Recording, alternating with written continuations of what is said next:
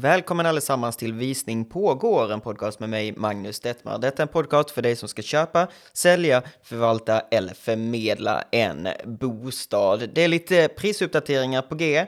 Det har ju eh, tagit ett tag sedan jag gjorde de här uppdateringarna, men jag tyckte det är på sin plats för vi ser ett trendbrott nämligen, det vill säga stigande bostadspriser nu i februari. Men det kan bara vara tillfälligt, skriver de i tidningarna och eh, jag ska diskutera lite om det kommer göra det, vad vi kan se här framöver i vår och lite mina tankar kring det hela. Så nu kör vi!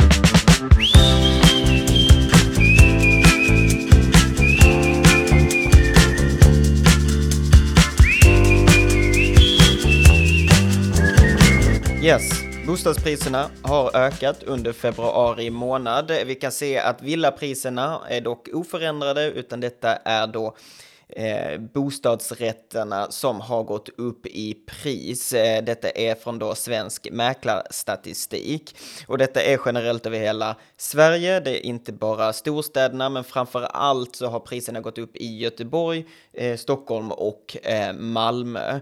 Eh, och detta är ett trendbrott för att ehm, vi har sett en nedgång sedan då april förra året där det bara gått ner och gått ner och gått ner. Under vissa perioder under vissa och vissa typer av lägenheter har gått upp som jag har nämnt tidigare i denna podcasten under vissa då månader men, men som vi har sett i stort så har marknaden gått ner men nu har det då börjat ske lite förändring. Eh, och man har ju sett att de senaste 12 månaderna då har det backat med ungefär 11 procent på bostadsrätter och eh, 13 procent på villapriserna runt om i eh, Sverige då på ett år. Eh, men eh, då att i, i Stockholm har det då ökat faktiskt med 1 procent och vi ser att i Göteborg har det ökat med 2 procent den senaste månaden. I centrala Malmö var det dock priserna oförändrade enligt Svensk Mäklarstatistik. Den här uppgången kan ju bero på väldigt många olika saker, men det är också att man har börjat bli kanske lite vanare vid att räntan har gått upp just nu och de som har väntat väldigt länge, de som väntat hela hösten här, måste gå in och köpa till slut, vilket gör att det blir ett skifte där man måste då lägga, lägga pengarna på bordet, för man måste ju ha någonstans att bo. Och eh, efter x antal månader så är det ju dags att man måste göra det.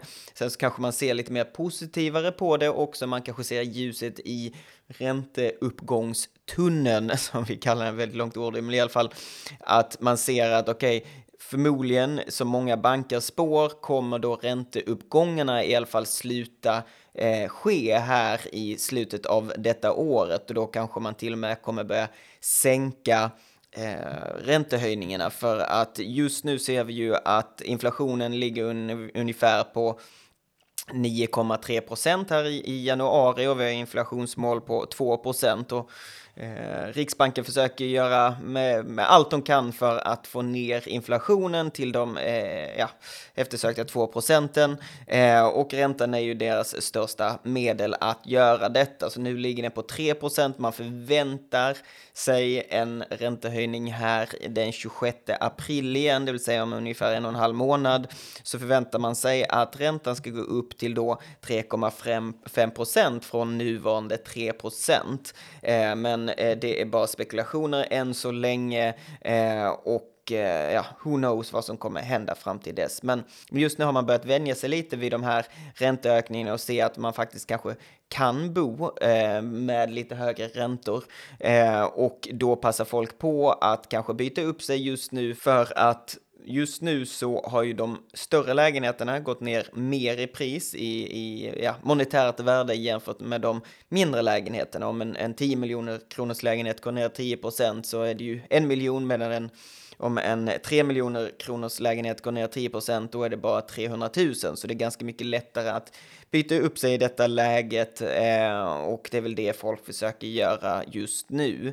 Jag kan säga själv när jag varit ute och kollat på lite olika visningar här de senaste veckorna så har jag märkt att det är väldigt, väldigt stort tryck på många lägenheter. Eh, det är extremt många visningsdeltagare och det gör ju att priserna trissas upp väldigt mycket. Eh, jag har pratat med en hel del mäklare som säger också att det kommer fler på alla visningar. Eh, folk är mer intresserade av att köpa och eh, vi ser fortfarande att det är ganska lågt utbud. Det är lägre transaktioner jämfört med vad det var för kanske ett år sedan.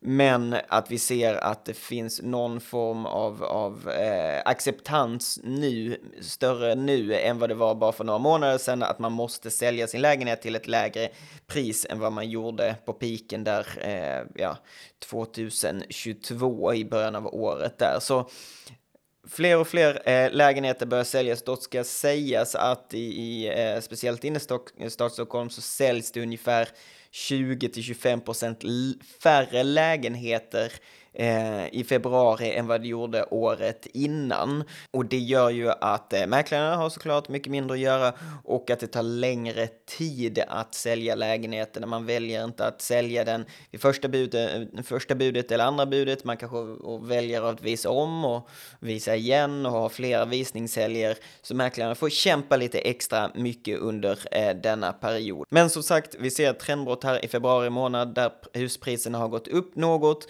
Frågan är om detta kommer fortsätta så eller om det kommer fortsätta neråt. Um, kommentera gärna på vår Insta vad du tror för att det är väldigt intressant att höra er feedback. Igen, alla ni som lyssnar där ute, eh, jag håller på och kollar på att göra lite mer videocontent för denna kanalen, så um, om du är där ute, mäklare som vill marknadsföra någon av dina objekt, Eh, hör gärna av dig så kommer vi gärna och filmar och gör lite extra reklam för dina objekt så att vi även får dela i våra kanaler. Stort tack för att ni lyssnade. Vi hörs igen om en vecka. Ha det bra. Hej då!